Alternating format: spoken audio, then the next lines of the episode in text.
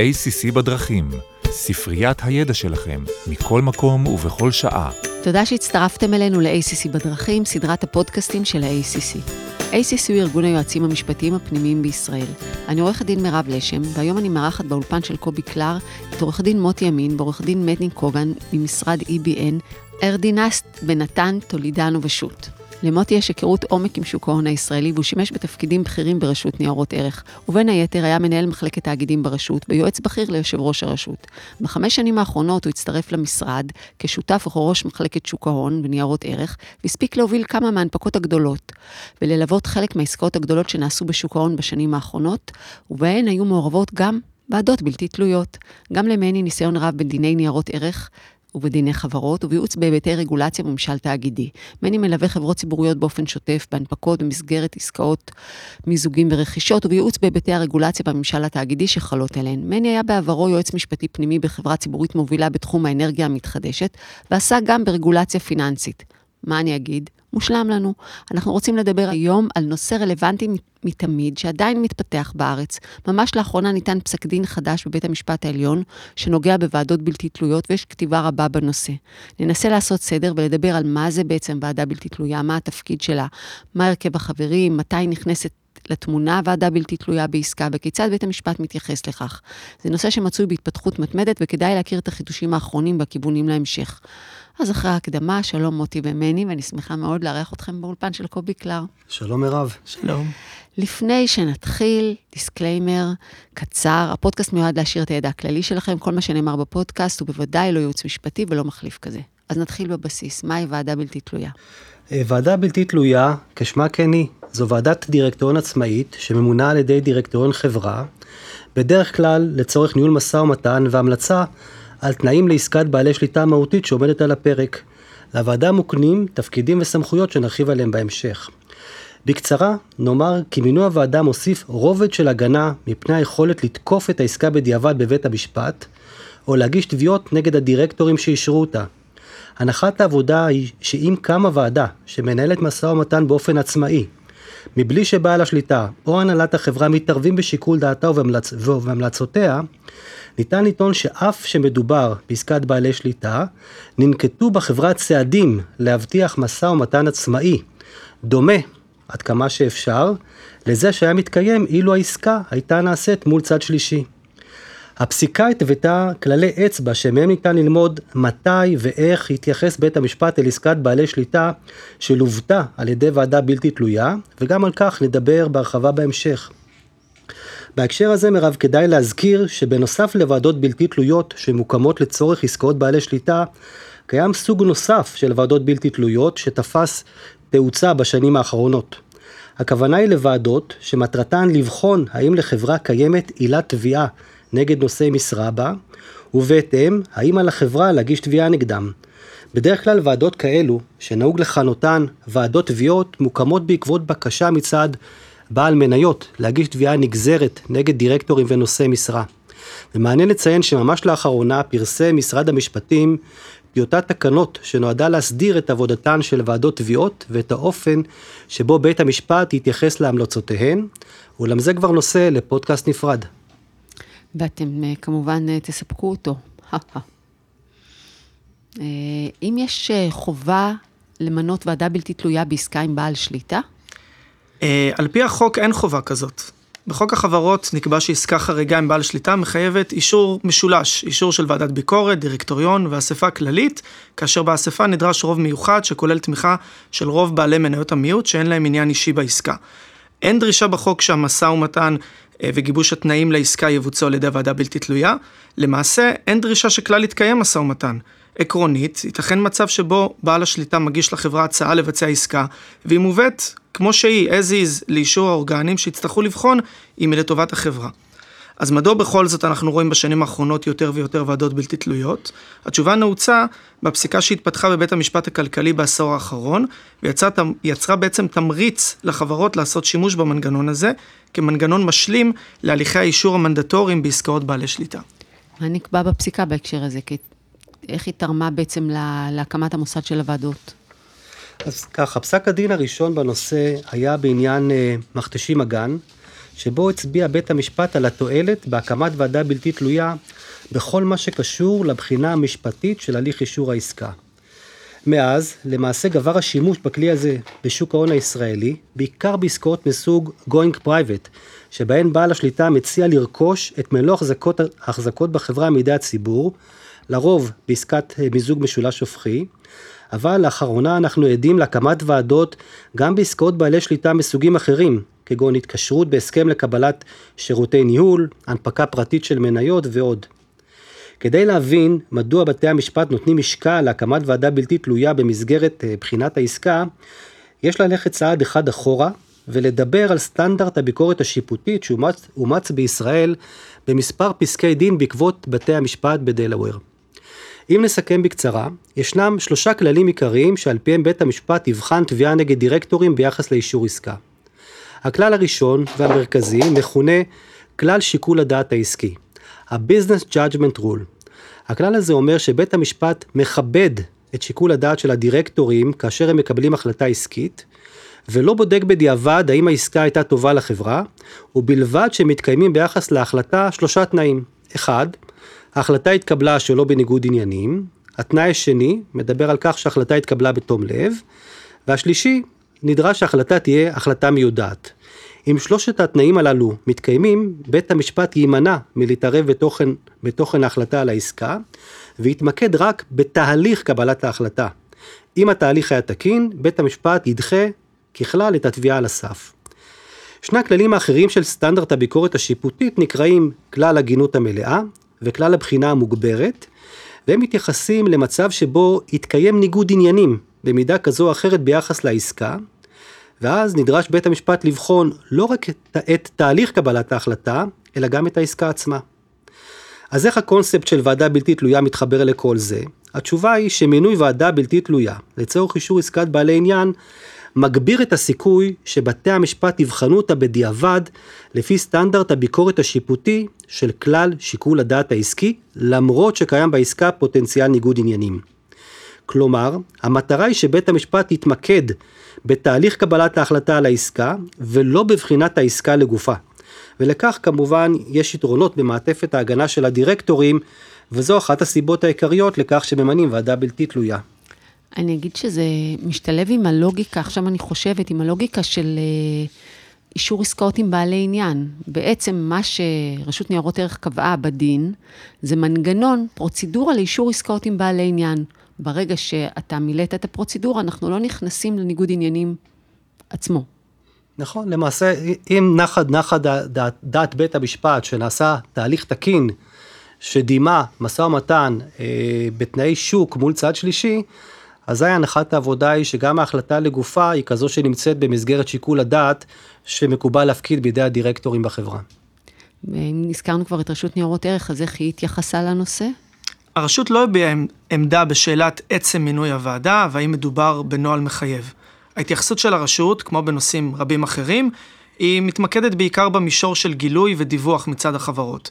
לפני כשנתיים אה, סגל הרשות פרסם עמדה משפטית בנוגע לגילוי הנדרש במקרה שכבר הוקמה ועדה בלתי תלויה, וקבע שיש להביא בפני בעלי המניות מידע ולפרט בעיקר אודות הוועדה עצמה, פעילותה, הרכב הוועדה, הסמכויות שהוקנו לה, זהות היועצים שליוו את הוועדה, התהליך שהיא ביצעה וכמובן ההמלצות שלה. הגילוי הוא רחב יחסית, הוא כולל פרטים שעשויים להיות חשובים לבעלי המניות מהציבור, כדי שהם יוכלו להעריך את איכות עבודת הוועדה, את המומחיות של חבריה, את מידת העצמאות שהיא הפגינה, תהליכי העבודה שהיא ביצעה וכיוצא בכך. הנחת המוצא היא שגילוי בהקשר הזה יכול להיות משמעותי בראיית בעלי המניות, לצורך החלטה אם לאשר או להתנגד באספה לאישור העסקה. מה בעצם ההרכב המומלץ לוועדה בלתי תלויה? ככלל, ועדה בלתי תלויה תהיה מורכבת מדח"צים ומדירקטורים בלתי תלויים. אין מניעה שיצטרפו להרכב גם דירקטורים אחרים, אבל לא מקובל שיו"ר הדירקטוריון יהיה חבר בוועדה, ובוודאי שלא ימונה דירקטור אחר שיש לו זיקה או תלות בבעל השליטה או זיקה לעסקה. לרוב מספר החברים בוועדה יהיה בין שלושה לחמישה, ובראשה יעמוד דירקטורים, דירקטור חיצוני. בפועל, במקרים רבים נהוג למנות את ועדת הביקורת לשמש כוועדה בלתי תלויה. בדיוני הוועדה ישתתפו חברי הוועדה והיועצים שנבחרו על ידה. גורמים מתוך החברה, כמו היועץ המשפטי או היועצת המשפטית, לא מוזמנים בדרך כלל לקחת חלק בדיונים, אלא אם עולה נושא נקודתי שבו נוכחותם מתבקשת לצורך הצגת הנושא ומתן הסברים. מה המנדט בעצם שמקובל להפקיד בידי ועדה בלתי תלויה? איזה סמכויות נהוג לתת לה? החלטה על מינוי ועדה בלתי תלויה היא בידי דירקטוריון. מקובל שבמסגרת ההחלטה על המינוי נקבעים תפקידי הוועדה והסמכויות שלה, שבדרך כלל כוללים בחינת העסקה שעומדת על הפרק, ניהול משא ומתן על תנאי העסקה, כאשר המטרה היא להגיע לעסקה הטובה ביותר, ולא רק לוודא שהעסקה המוצעת עם בעל השליטה אינה פוגעת בחברה, נבחנות חלופות אחרות לביצוע העסקה. אה, הוועדה שוכרת יועצ... יועצים משפטיים, כלכליים ואחרים שנדרשים לצורך עבודתה וקובעת את שכרם על פי שיקול דעתה הבלעדי, ולבסוף הוועדה מצופה לגבש המלצות בקשר עם העסקה בהתאם לטובת החברה ולהביא את ההמלצות בפני ועדת הביקורת והדירקטוריון. הדגש בתהליך עבודת הוועדה הוא על עצמאותה ואי התלות שלה, ולכן המשא ומתן שייערך אמור לדמות עסקה בתנאי שוק בין צדדים בלתי קשורים. בעצם, מרגע שממונה ועדה בלתי תלויה, ניהול העסקה מטעם החברה יוצא מידי ההנהלה ומופקד באופן בלעדי בידי הוועדה, בסיוע יועצים בלתי תלויים שלא מייעצים באופן שוטף לחברה. החברה, הנהלת החברה יכולה אחר כך להגיד, רגע, בעצם, סליחה, פוס אה, מתחרטת? ברגע שהיא מונתה זה על חזור? יש תמיד אפשרות לסגת מהעסקה. למעשה הוועדה מקבלת את המנדט לנהל את המשא ומתן ולגבש תנאים. אם בסופו של יום הדירקטוריון לא מאשר את התנאים הללו, אזי לא תתקיים העסקה, וישנם גם אה, נסיבות שבהן בעל השליטה מחליט למשוך את ההצעה ככל שמתברר לו שהוועדה הבלתי תלויה אה, ממליצה להיכנס לעסקה בתנאים שלא היו מקובלים עליו מלכתחילה. ובעצם כל התהליך עצמו, הדירקטוריון, עד שאין את המסקנה, הדירקטוריון הוא ממודר, עד שזה מגיע אליו, כדי לשמור על איזושהי סטריליות. כן, ישנם גם מצבים שבהם uh, הוועדה uh, מעדכנת את הדירקטוריון בצמתים ובאבני דרך בתוך התהליך, מבלי להיכנס uh, לרמת הטקטיקה של המשא ומתן. אבל הפרוצדורה המקובלת בהקשר הזה היא שהדירקטוריון אה, מתכנס לדיון משמעותי בהמלצות הוועדה רק לאחר שהיא מסיימת את עבודתה.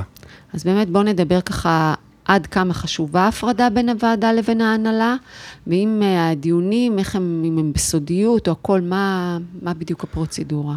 כן, סודיות הדיונים היא אחד הדגשים החשובים בעבודת הוועדה, ולאחרונה גם קיבלה חיזוק בעקבות החלטת בית המשפט העליון בפרשת בזק, שהחזיר את הדיון בנושא לבית המשפט המחוזי, תוך שניתן ללמוד מההחלטה כי אם יוכח שהסודיות הופרה, הדבר יכול להוות בנסיבות מסוימות עבירה של מרמה והפרת אמונים בתאגיד.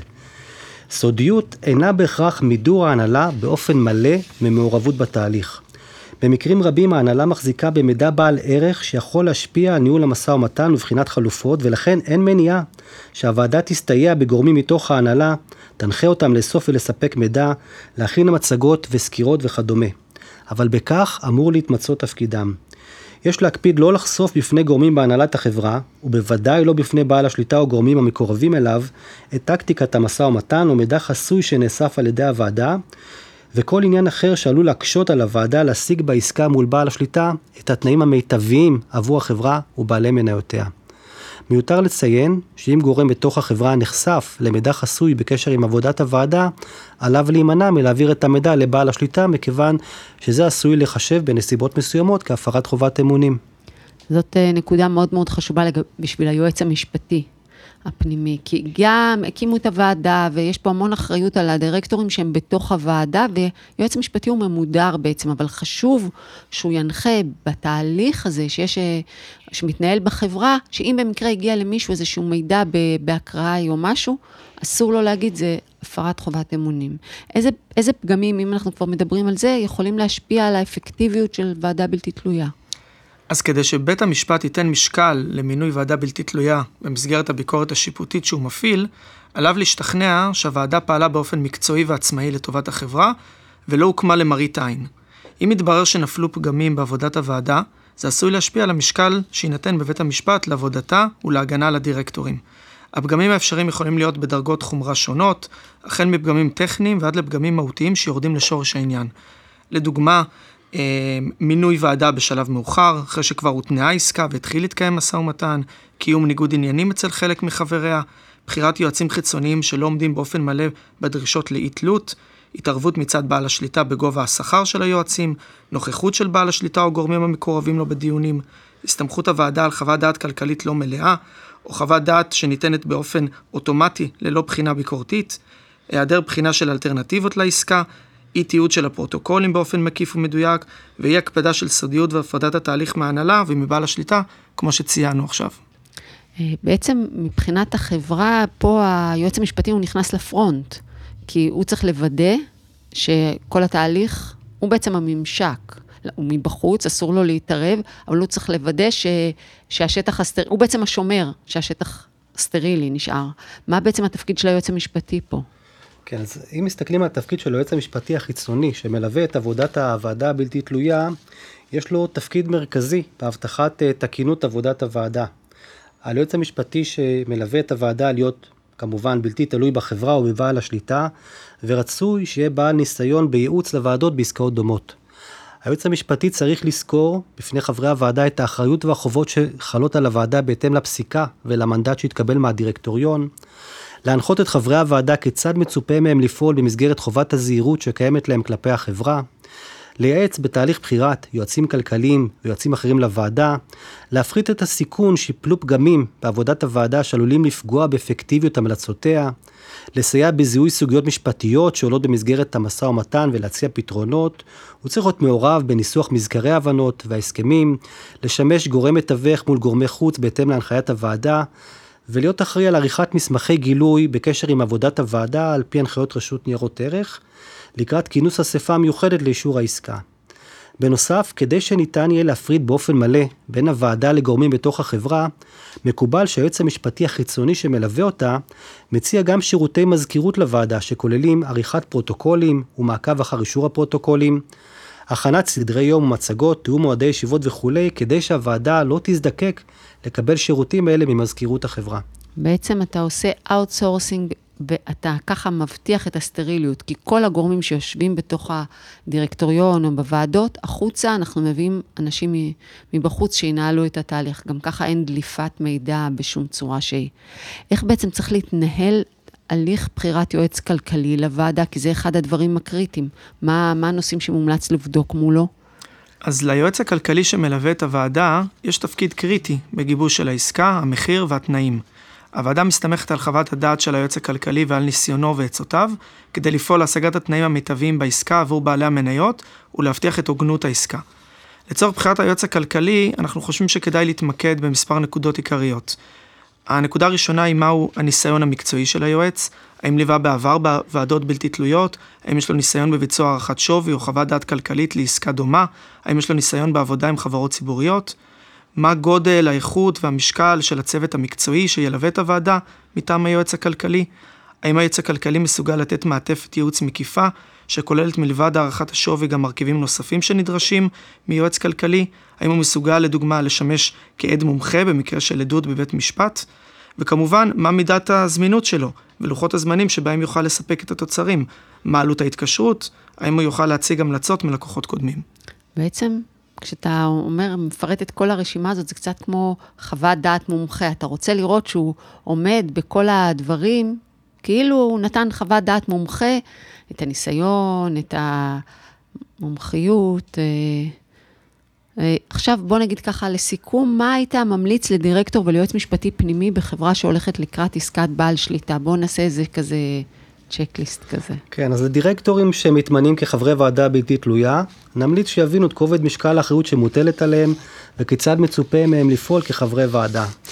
בנוסף, מומלץ שיוודאו מראש את תנאי פוליסת ביטוח אחריות נושאי המשרה והיקף הכיסוי הביטוחי ביחס לעסקה המוצעת, וכן לוודא שיש ברשותם כתבי שיפוי מתאימים. בחברות מסוימות יש גם כתבי פטור, אבל לרוב הם לא חלים בעסקאות בעלי עניין. רגע, אני עוצרת אותך, תגיד לי, מה זאת אומרת?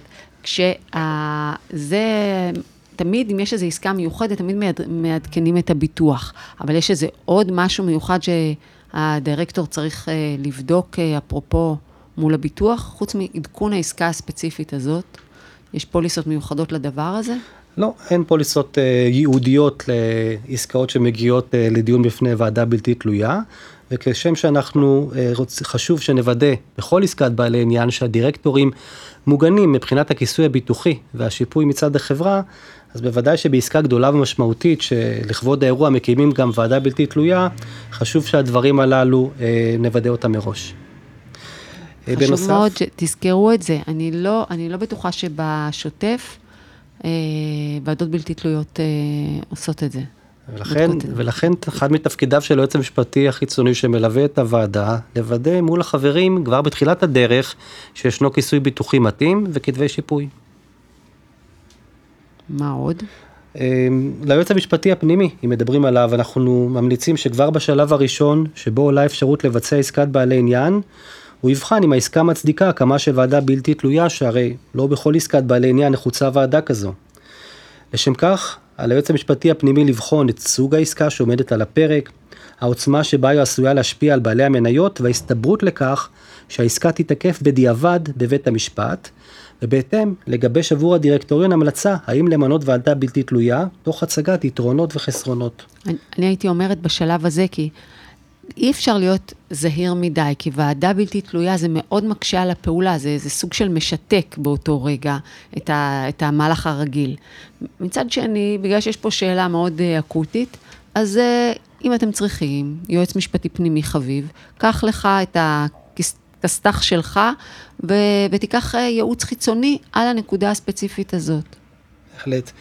ובנוסף, ככל שיוחלט על הקמה של ועדה בלתי תלויה, מומלץ שהיועץ המשפטי הפנימי יהיה מתואם עם היועץ המשפטי החיצוני שנבחר ללוות את עבודת הוועדה.